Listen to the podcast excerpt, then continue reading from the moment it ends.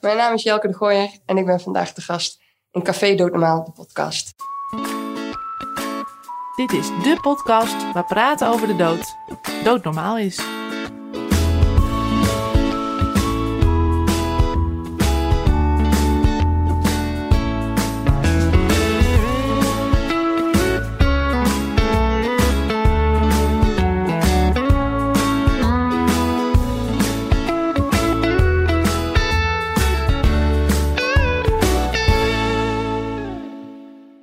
Vanuit het centrum van Amsterdam in een koud en leeg NVVE-kantoor heet ik je welkom bij een nieuwe aflevering van Café Doodnormaal, de podcast. Mijn naam is Gerard Ekelmans en tegenover mij zit nog altijd co-host Sebastian Hattink. Sebastian, waar gaan we het vandaag eigenlijk over hebben? Nou, vandaag gaan we het hebben over het euthanasietraject van Elko de Gooier. Elko heeft in 2016 euthanasie gehad op 38-jarige leeftijd. Dit kreeg hij omdat hij al jarenlang kampte met uh, psychiatrische problematiek. In 2018 kwam de documentaire uit. De documentaire Het is goed zo, gemaakt door Jesse van Venrooy. Het is goed zo, het is mooi, schreef Ilko in zijn afscheidsbericht op de dag van zijn euthanasie. Het is een mooie dag, al dus Ilko. In deze aflevering spreken we met zijn zus Jelke de Gooier over het traject van Ilko, maar ook hoe het is om dit als naaste mee te maken. Jelke, welkom. Goeiedag. Jelke, veel mensen kennen het verhaal van Elko, denk ik, van de documentaire of van de symposia die wij hebben georganiseerd. Maar zou je voor de mensen die het verhaal niet kennen, het verhaal kort kunnen vertellen? Ja, uh, Ilko was mijn twee jaar oudere broer, die vanaf zijn geboorte aan altijd al wel een typisch kind is geweest. En uh, die uiteindelijk uh, met een, een, aangeboren ontwikkelingsstoornis, allerlei verschillende diagnoses, van narcisme tot autisme, PDD-NOS, uiteindelijk dusdanig aan het leven leed, om zijn termen maar te gebruiken, dat hij door middel van euthanasie uh, zijn leven heeft beëindigd of laten beëindigen. Uh, omdat hij dus ja, ondraaglijk en uitzichtloos leed. En van kinds af aan zeg je, is dat echt van nul tot... Ja, het is, hij is altijd wel een huilbaby geweest. En ook altijd wel een hele typische peuter en kleuter. Hij scheen vaak pas dingen te gaan doen als ik het ook kon. Daarvoor ja, was het niet zo belangrijk. Uh, als broer was hij vroeger echt niet leuk. Gewoon een hele vervelende broer om te hebben. En uiteindelijk is in de puberteit en dergelijke zijn echt alle trajecten uh, ingegaan. De eerste diagnoses gesteld, eerste opnames. Uiteindelijk heeft hij via uh, een, ja, heeft hij een opname gehad en uh, verschillende trajecten doorlopen. En heel veel geluk gehad met zijn behandelend psycholoog. Ja, die hem onder behandeling heeft gehad. Ehm, maar daarmee ook tot de conclusie kwam van ja, schiet niet op. Het heeft geen uitzicht. Want wanneer begon hij met praten over het leven zijn, dat hij dit leven niet meer zou willen? Uh, toen hij zeven was, heeft hij al een keer in het raamkozijn gestaan met het idee van kan ik niet net zo goed springen, want mama, waarom leef ik eigenlijk? En um, toen hij in de eerste klas van de middelbare school zat, heeft hij lichamelijk wat problemen gehad. En heeft hij, uh, ging hij op een gegeven moment ook niet meer naar school, omdat hij dan langs een kanaal moest. En zei, ja, het kanaal trekt, het kanaal trekt. Uh, dus eigenlijk is het al wel heel vroeg een soort van rode draad in zijn leven geweest. En ik heb veel achteraf gehoord. Ik ben hem ook heel bewust dat ik gedeeltes nooit gehoord heb. Uh, omdat hij uh, ja, daar ook heel lang niet open en eerlijk over is geweest. Het is natuurlijk heel lastig om jezelf zwak op te stellen. Of in ieder geval kwetsbaar op te stellen. Het is niet zwak, maar kwetsbaar. En eigenlijk is sinds, ik denk de laatste, voor mijn gevoel de laatste tien jaar van zijn leven of zo, is het een beetje een rode draad geweest. En heb ik eigenlijk nooit geloofd dat hij op een natuurlijke wijze aan het eind van zijn leven zou komen. Oh, hoe is dat voor jou als zus om dat mee te krijgen zo? Ja, je weet niet beter. Je hebt alleen je eigen gezin als uh, referentie. Ja, je weet niet beter. Broers zijn lastig. Tenminste, die van mij wel. Absurd lastig en irritant en vervelend. En eigenlijk pas toen ik uit huis ben gegaan en zelf studeerde en dus veel minder afhankelijk uh, was van, uh, ja, van het gezin. toen is de band met Ilko een beetje gekomen. op het moment dat hij Um, ik denk vooral met Sammy, dus met zijn psycholoog, uh, traject in was. En geaccepteerd heeft dat niet de hele wereld gek is, maar dat hij degene was met de afwijking of de handicap of het psychische probleem. Want Elke had ook een hele bijzondere band met je moeder. Dat zie je ook heel duidelijk in de documentaire. Kan je daar wat meer over vertellen? Uh, mijn moeder was de enige die hem, uh, denk ik, echt gezien heeft. Waar die zijn masker durfde te laten zakken, waar hij echt zichzelf kon zijn. Um, Ja, en die eigenlijk ja, een soort van, ik, zou bijna willen zeggen, een soort van onderdeel was van Ilko zelf. Dus die heeft heel veel opgevangen. En dat was ook een beetje de spreekbuis. Dus ik kreeg heel veel via mama al te horen. En dat dat dan later met Ilko besproken werd. Dus ook hè, dat het niet goed ging, wist ik eigenlijk al wel. Maar dat was dan weer via mam. En ja, later dan pas via Ilko. En jullie hebben er ook voor gekozen om dat hele traject, of niet van een heel deel van het traject, te laten filmen door Jesse, Jesse Ja. van Venrooy. Waarom hebben jullie daarvoor gekozen? Dat is Ilko's keuze geweest. Ehm, ik weet nog het moment dat Ilko opbelde en zei van... ja, ik, eh, ik ga een eind aan mijn leven maken. En ik, ik probeer het via de levenseindekliniek. Maar als dat niet lukt, dan is het toch klaar. Ik ben er echt klaar mee. En ik wist toen al dat als die beslissing ooit zou komen... dat hij daar dan al goed over nagedacht zou hebben. Dat hij altijd heeft gezegd van... ik geef mezelf een soort, ja, een soort of een testruimte. Zo van, als ik die beslissing neem, dan kijk ik het drie maanden aan. En als ik er nog steeds achter sta, nou ja, dan, dan is het zo. Ja, daar was ik al enigszins op voorbereid. Ik had ook wel door dat het echt niet meer goed ging. Hij had al heel veel geprobeerd. Eh, hij verhuisd, was al met zijn sporten bezig geweest, met lichamelijk. Eh, hij probeerde echt wel dingen te doen. Ehm, en Jesse had hem al eerder gefilmd voor een project waar hij in zat, Broedplaats Z, waarbij dus meer aandacht voor psychiatrische patiënten en eh, GGZ-zorg zou zijn. En ik vond het eigenlijk wel mooi. En heb je dan iets te vinden, ja of nee? Ik, ik weet hoe camera-schuw en fotoschuw Ilko eigenlijk is. Hij heeft ook heel veel foto's van zichzelf vernietigd. Ja, wat voor hekel mijn ouders ook aan de camera hebben. En tegelijkertijd vond ik het wel heel erg mooi. Dus daar ga je dan gewoon niet mee. Ook, ook dat is, ja, is dat aan mij? Nee, dat is zijn beslissing. En dat kan ik dan eigenlijk alleen maar steunen. Hoe lang heeft het traject al met al eigenlijk geduurd? Het euthanasietraject. Ja, maar eigenlijk ook die periode daarvoor. Op een gegeven moment geeft hij dus aan van ik wil euthanasie. Ja. Of ik wil dood in ieder geval. Nou, daarvan zeg je al, dat begon al van zeer jongs af aan. Ja, Maar echt een intensief traject van er is nu, er wordt echt toegeleefd, toegewerkt naar, naar de euthanasie zelf. ik denk dat ik al een jaar of vijf zoiets had van... nou, als er nou een telefoontje komt met... goh, Ilko heeft een eind aan zijn leven gemaakt, dan ben ik niet verrast. En dan is het een soort van, nou ja, dat is zo, daar kan ik vrede mee hebben. Eh, het euthanasieproject, euthanasietraject zelf... ik denk dat hij toen in april gebeld heeft. En ehm, in november is, is toen de euthanasie eh, heeft plaatsgevonden. Dus dat is eigenlijk re- relatief snel gegaan, zeker voor... eh, voor een psychische achtergrond. Dus het traject zelf ja, ruim een half jaar. Maar het speelt al veel langer. En hij heeft ooit, hij heeft denk ik twee of drie jaar daarvoor eh, op het punt gestaan om een impulssuicide te plegen. En dat, zou echt, dat was echt kantje boord, zeg maar. Dat was echt dat mijn moeder een appje, een appje kreeg, meteen daar naartoe is gegaan. En ja, dat hij toen nog bij zijn verstand gekomen is. Dus ja, een, het euthanasietraject ruim een half jaar. Want Elko is geholpen door de levens, eh, kli- levenseindekliniek. Maar hij kon niet geholpen door zijn eigen behandelaars. Die wilden daar niet mee. Of? Nou, hij heeft een, eh, de psycholoog die stond volledig achter hem. Maar ja, psycholoog is geen arts, dus dat kan niet. Nee. En de huisarts die was hartstikke welwillend en behulpzaam, maar was heel eerlijk in: ik ben nog vrij jong en ik durf het gewoon niet aan. Ehm, wat, ik, ja, wat ook zei, van, nou, dat respecteerde hij prima, dat kon hij ook goed begrijpen. En die arts heeft wel door middel van gewoon steun en rapporten en dergelijke eh, alle hulp geboden. En ja, bij de levenseindekliniek was het wel in orde. Dus, eh, dus dat was mooi in die zin. Is het voor jou ooit een vraag geweest of je hierin mee moest gaan? Nee. Ik denk eigenlijk dat iedereen die Ilko goed kende. Nee, weet ik eigenlijk zeker. Iedereen die Ilko goed kende, die had doordat dit het was. Dat dit ook, denk ik, wel de manier was. En in die zin is dat nooit een vraag geweest. En ik vind het heel, heel, heel erg fijn dat het op deze manier heeft gekund. Omdat je nog echt gezamenlijk naar een, eh, naar een afscheid toe kan werken. Je kan het heel bewust samen meemaken. En dat is natuurlijk per persoon verschillend. Maar Ilko heeft zich daarin ook heel erg opengesteld. En ook aangegeven van ja, kijk, mijn wens, die wordt uitgevoerd. Ik ben er straks niet meer. En jullie moeten aangeven wat jullie nodig hebben. Want jullie moeten verder. Ik ben klaar.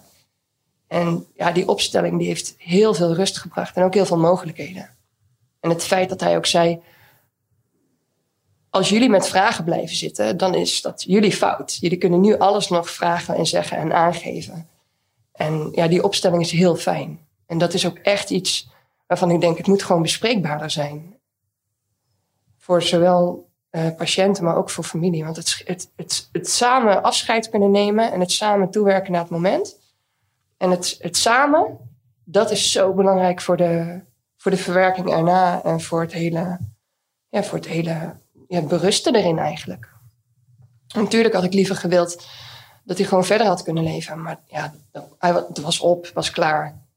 Eh, de behandeling was eigenlijk meer symptoombestrijding. Het zou nooit beter worden. Het zou alleen maar slechter zijn.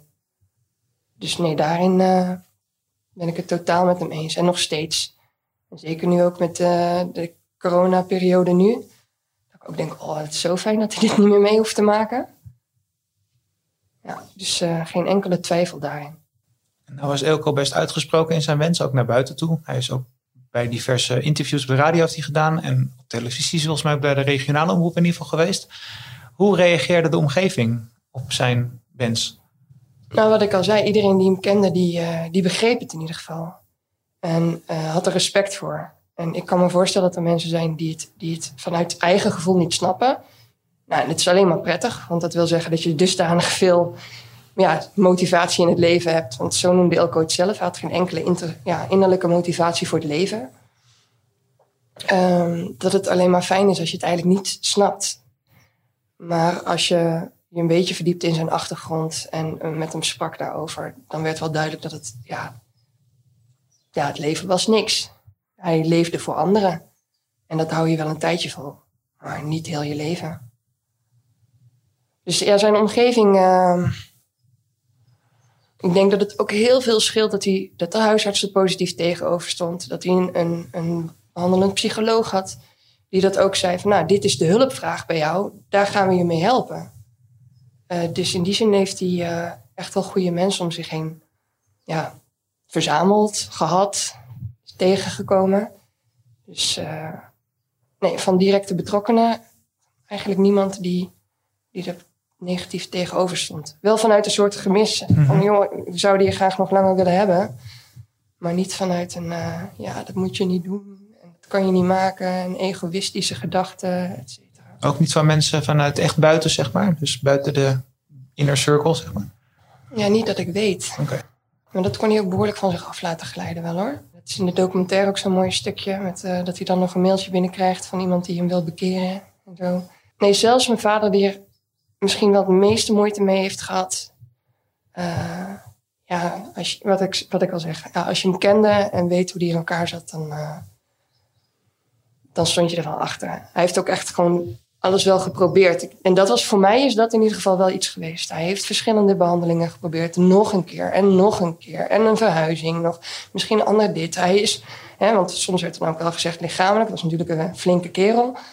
Ook daar heeft hij aan gewerkt. Uh, nou, in die zin, hoeveel moeite moet je doen? En hoe lang moet je dat volhouden? En hoe hebben jullie dat hele traject van afscheid nemen van elkaar, hoe hebben jullie dat gedaan? Um, nou, daarin was Ilko eigenlijk ook heel stellig met van ja, uh, maakt mij niks uit. Ik ben dood, al zit je me bij het grofvuil. Uh, alhoewel, hij wilde wel zijn hersens laten onderzoeken. Dus, die, dus uh, dat is wel gebeurd. Maar daarin ook heel erg van ja, wat hebben jullie nodig? Wat vinden jullie prettig? En um, ik had zelf heel stellig iets van: ik wil, ik wil afscheid nemen bij mijn ouders.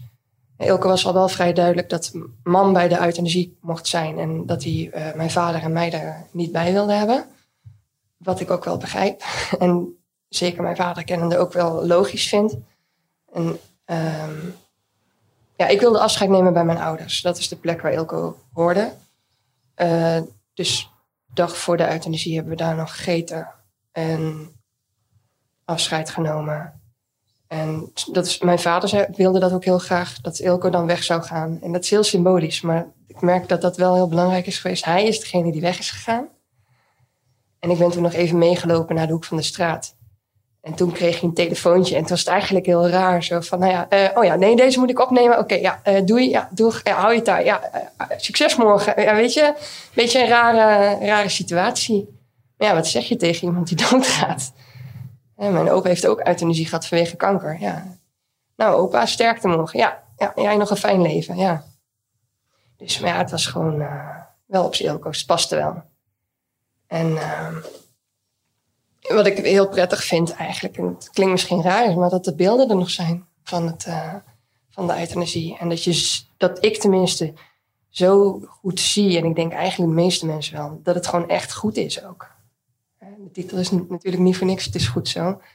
Maar dat, dat hij er echt klaar voor was. En uh, ja, dat voelde ook gewoon echt zo. Mooi. Je, je zegt haast tussen neus en lippen door dat hij zijn hersens heeft laten onderzoeken. Na Ja. zijn overlijden neem ik aan. Ja, Ja, ja, werk? zo Ja. onderleggen. Ja. Ja, daarvoor moest hij dus. Dat was nog best wel een gedoe. En voor de mensen die nog nooit een, eh, een beeld van Ilko gezien hebben. Het was een, eh, een kerel van eh 200, eh, 200 zoveel kilo. En eh, ja, die moest dus eh, naar Amsterdam eh, gebracht worden. Daar moesten zijn hersens verwijderd worden om te laten onderzoeken. En dit ook vanwege, nou inderdaad, de stoornis. Waar komt het vandaan? En dit is wel typisch Ilko. eh, ja, voor zichzelf maakt het allemaal niks uit. Hè? Het leven deed hem niks. Maar als hij anderen van nut of van dienst kon zijn, dan deed hij het maar al te graag. Ehm, dus ja, daar naartoe gebracht. En wat ik ook begreep, eh, is dat het nog best wel wat gedoe was. Omdat hij dus met zijn gewicht met brancards en, auto's en weet ik veel wat. eh, en zo is hij bijvoorbeeld ook in Breda gecremeerd en niet in Tilburg. Eh, wat ik wel weer heel mooi vond, omdat hij bij hetzelfde crematorium is gecremeerd als mijn oma. Waar hij echt een hele goede band mee had. Dus dat was dan wel weer een mooi iets. Ehm, maar ja, hersenonderzoek om inderdaad te kijken van is te herleiden waar het vandaan komt. Die gedachte en de stoornis en hoe dat met elkaar te maken heeft. Is dat voor jou moeilijk geweest? Of hoorde dat er gewoon helemaal bij? Ja, dat hoorde ook wel heel erg bij hem. Het is ook weer zo, ja, ik merk dat ik daarin ook zoiets... Het voelde gewoon allemaal heel goed, omdat het zijn zijn keuzes nog geweest. En die waren goed te volgen. En het feit dat hij ook na zijn dood nog van nut wilde zijn... of misschien andere mensen zou kunnen helpen... dat, eh, dat paste wel bij hem. Dus dat vond ik ook wel een hele mooie. Ik had gehoopt dat er ook echt iets uitgekomen was, maar dat is helaas dan weer niet zo. Maar goed, het is wel weer data. Dus, eh. Hoe, hoe gaat dat dan in zijn werk? Krijg je dan een rapportje op een gegeven moment? Of Mijn moeder belde op een gegeven moment. Ja, ze hebben het, eh, een rapportje. Een rapportje en er is niet echt iets speciaals gevonden. het is dus niet anoniem gedoneerd? Dat had ik eigenlijk meteen verwacht. Maar Ja, nee, ik weet het eigenlijk niet. Heb ik me verder niet in verdiend. nee, oké. Nee, geen idee. Maar dan is de euthanasie gebeurd, zeg maar. Dat is uitgevoerd. Dan krijg je een telefoontje, denk ik, want je was er niet bij en je moeder wel. Hoe ging dat? Nou, we kregen een appje.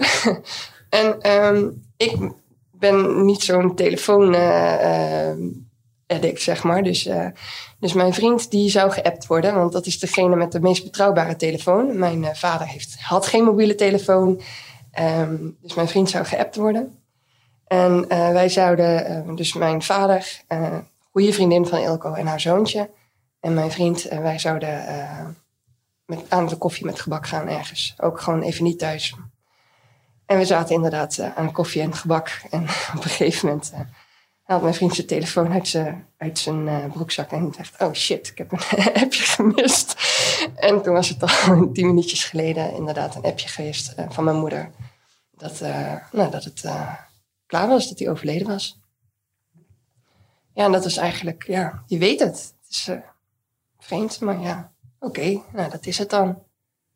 En ja, verder, ja, mijn moeder moest dus nog wachten, omdat ze dan de arts nog kwam en de schouwing. En nou, inderdaad het vervoer naar Amsterdam en dan s'avonds weer terug.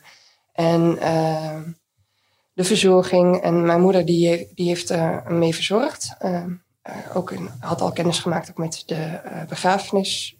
Of nee, het is geen begrafenis, want hij is gecremeerd, maar uitvaartonderneemster. Die eh, ook al met Ilko heel leuk gesprek had gehad over hoe die het allemaal zag en wat en hoe. Ehm, ja, en s'avonds, ja, wat was het? De dag daarna zijn, ben ik, volgens mij zijn wij naar het museum geweest. Zo van, oh ja, even. En toen, hij is op woensdag overleden en op vrijdag werd hij gecremeerd. En hij was heel duidelijk, ja, ik hoef geen dienst, eh, maakt mij niks uit. Dus er was geen dienst, er waren geen kaarten, er was geen eh, advertentie, verder niks. Iedereen die het moest weten, was er al. Of die wist het al. En toen lag hij opgebaard. En toen hebben we nog afscheid genomen. Hebben we nog wat op de kist getekend. Kregen we slagroomtaart. Want uh, hij had gezegd toen de uitvaartondernemer zei van... ja, maar moeten we dan iets van bloemen of zo? Nee, nee, haal maar een taart. Hebben ze tenminste nog iets aan. Dus dat was slagroomtaart. En uh, toen zijn we naar de crematorium gereden.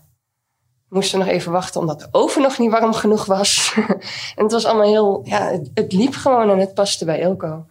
Dus uh, het zal vast niet een, een uitvaart zijn die voor iedereen geschikt was. Maar het, het voelde gewoon wel goed. Heel klein. En dus inderdaad mijn ouders, vriendin van Ilko en haar zoontje. En uh, ik heb mijn vriend.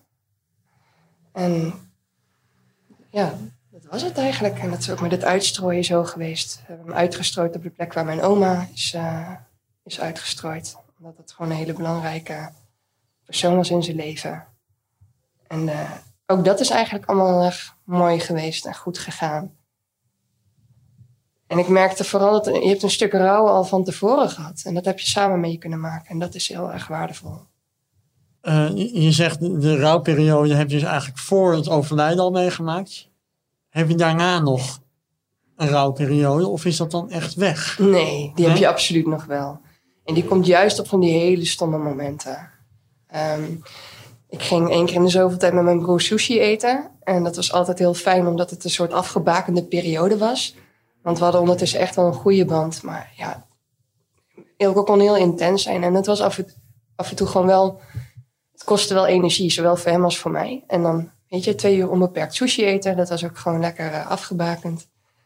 Um, ik heb heel lang gehad als ik langs een sushi-restaurant liep of zo. Dat ik dacht, oh fuck, moet er binnenkort weer een keer... Oh nee, dat kan niet meer. Hè, met computerproblemen of zo. De eerste, de beste die ik normaal gesproken belde. Was mijn broer, nou, dat kan niet meer. Vaak van die soort kleine dingetjes. Uh, dat je iets tegenkomt. Wat, als ik aan mijn oma denk, moet ik ook eigenlijk ook meteen doordenken uh, aan Il. Um, dus ja, die rouw is er absoluut wel. Maar er is steeds een soort van, oh ja, maar het is wel goed zo. En het is wel echt beter zo. Dus ja, er is verdriet, maar er is ook heel veel opluchting daarin. Omdat je gewoon weet dat uh, hij, was er zo, hij was er zo klaar mee met het leven en hij was zo klaar voor, voor de dood. Dus nee, dat is goed. En ik vind het heel fijn dat het zo heeft mogen gebeuren en niet in een vlaag van verstandsverbijstering. Die denk ik iedereen in de omgeving van hem ook geaccepteerd zou hebben. Maar ja, nu is het gewoon in het bijzijn van mijn moeder, heel rustig, in zijn eigen omgeving. Ja, het, uh, gun je eigenlijk iedereen. Kijkend naar jullie ervaringen en, het traject van Ilko, is er iets in de euthanasiepraktijk wat je aangepast zou willen hebben in Nederland? Nou, ik denk dat het heel belangrijk is dat uh, de mensen die uh, een, een doodswens hebben, beseffen hoe belangrijk het is voor de omgeving. En ik besef me ook al dat het heel lastig is, maar het feit dat de omgeving meegenomen kan worden in, in het traject, um, dat is een meerwaarde. En sommige mensen zien dat misschien als ja, maar dan belast ik hè, die mensen daar ook mee. Maar ga het gesprek alsjeblieft aan. Want ja, heel cru gezegd, jouw wens komt uit. als jij inderdaad wil overlijden, um, dan ga ik, dat is even vanuit de psychische kant. Hè. De mensen die je achterlaat, die moeten ermee verder. En als je die, als je die erbij kan betrekken en kan zorgen dat het niet alleen jouw afscheid wordt, maar ook hun afscheid van jou, dan denk ik dat je ze heel veel rust mee kan geven. Um, en dat je ze wellicht ook met een veel prettiger gevoel achter kan laten. Dus onttrek de omgeving erbij. En de meeste mensen, en dat is natuurlijk makkelijk praten, want bij ons in het gezin liep dat ook allemaal wel en begreep iedereen het ook goed. Maar ja, communicatie is zo belangrijk. En besef je dat, het, dat mensen tijd nodig hebben om te wennen. En dat jij in je hoofd wellicht al veel verder bent. En dat je dus mensen de kans moet geven om te praten. En om hun gevoelens erbij te uiten. En om misschien, maar blijf met elkaar in contact. Dat je niet het laatste stukje ja, alleen hoeft te doen. Maar ook dat zij je met een gerust hart los kunnen laten. Dus ook aandacht niet alleen voor degene die het betreft. Maar inderdaad de omgeving die erbij zit. En heb je dan nog een tip bijvoorbeeld om het gesprek aan te gaan als waar het toe betrekt? Ja, klinkt heel makkelijk, maar wees eerlijk.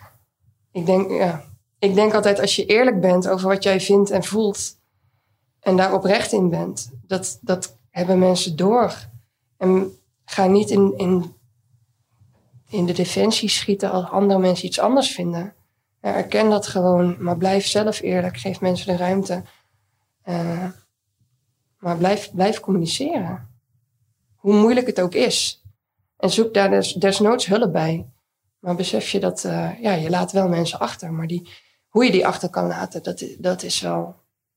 Dat kan heel mooi zijn. Ik kijk echt eigenlijk met een heel mooi gevoel terug op het overlijden van Ilko. Ik denk niet dat het op een mooiere of prettigere manier voor wie dan ook had gekund. Nou, dat vind ik heel erg waardevol. En ja, ook de documentaire en zijn, zijn wens. Ik weet niet eens of het echt een wens was. Het was meer het, het feit dat hij het gewoon zo belangrijk vond dat er inderdaad gesprek over was. Dat er mensen uh, over in gesprek gingen en bleven communiceren. Um, dat er meer openheid over was. Ja, dat is belangrijk. Die openheid. En het gesprek gaande houden. En het gesprek gaande houden. En ja, tuurlijk is dat lastig. Maar ja, lastige dingen zijn vaak, als je ze tot een mooi einde kan brengen, ook weer super mooi. En heel waardevol. En om dan een collega van mij ja, te citeren, die zei: haar moeder heeft uh, uh, toen zij tiener was, uh, zelfdoding gedaan. Zei van: Oh, maar heeft jullie nog een afscheid gegeven? Besef je hoe waardevol dat is? En dat is inderdaad heel erg waardevol. Ik denk dat dat het mooie is van het Nederlands euthanasiebeleid. Dat die mogelijkheid tot een eerlijk, open afscheid, dat dat iets is waar we trots op mogen zijn en ja, waar je gebruik van zou kunnen mogen maken. Dankjewel. Dank je dat je dit heftige, maar zoals je zelf zegt, mooie verhaal met ons wilde delen. Graag gedaan. Dit was alweer de allerlaatste aflevering van het eerste seizoen van Café Doodnormaal, de podcast. Ik zeg heel bewust eerste seizoen, want er komt een tweede seizoen. Nadat we even tussenuit zijn geweest. Het nieuwe seizoen gaat over euthanasie bij psychisch lijden. Voor nu bedankt voor het luisteren en wil je nou geen aflevering missen, vergeet dan niet te abonneren. Dan krijg je automatisch een melding als er een nieuwe aflevering voor je klaar staat. Vond je het nou leuk om deze podcast te luisteren? Laat dan vooral ook een beoordeling achter. En mocht je nog vragen hebben naar aanleiding van deze podcast, dan kan je altijd mailen naar jongeren.nvve.nl. Jongeren.nvve.nl. En als laatste wil ik net als vorige keer de NVVE bedanken voor het mede mogelijk maken van deze podcast. En voor nu zeg ik graag tot volgende aflevering.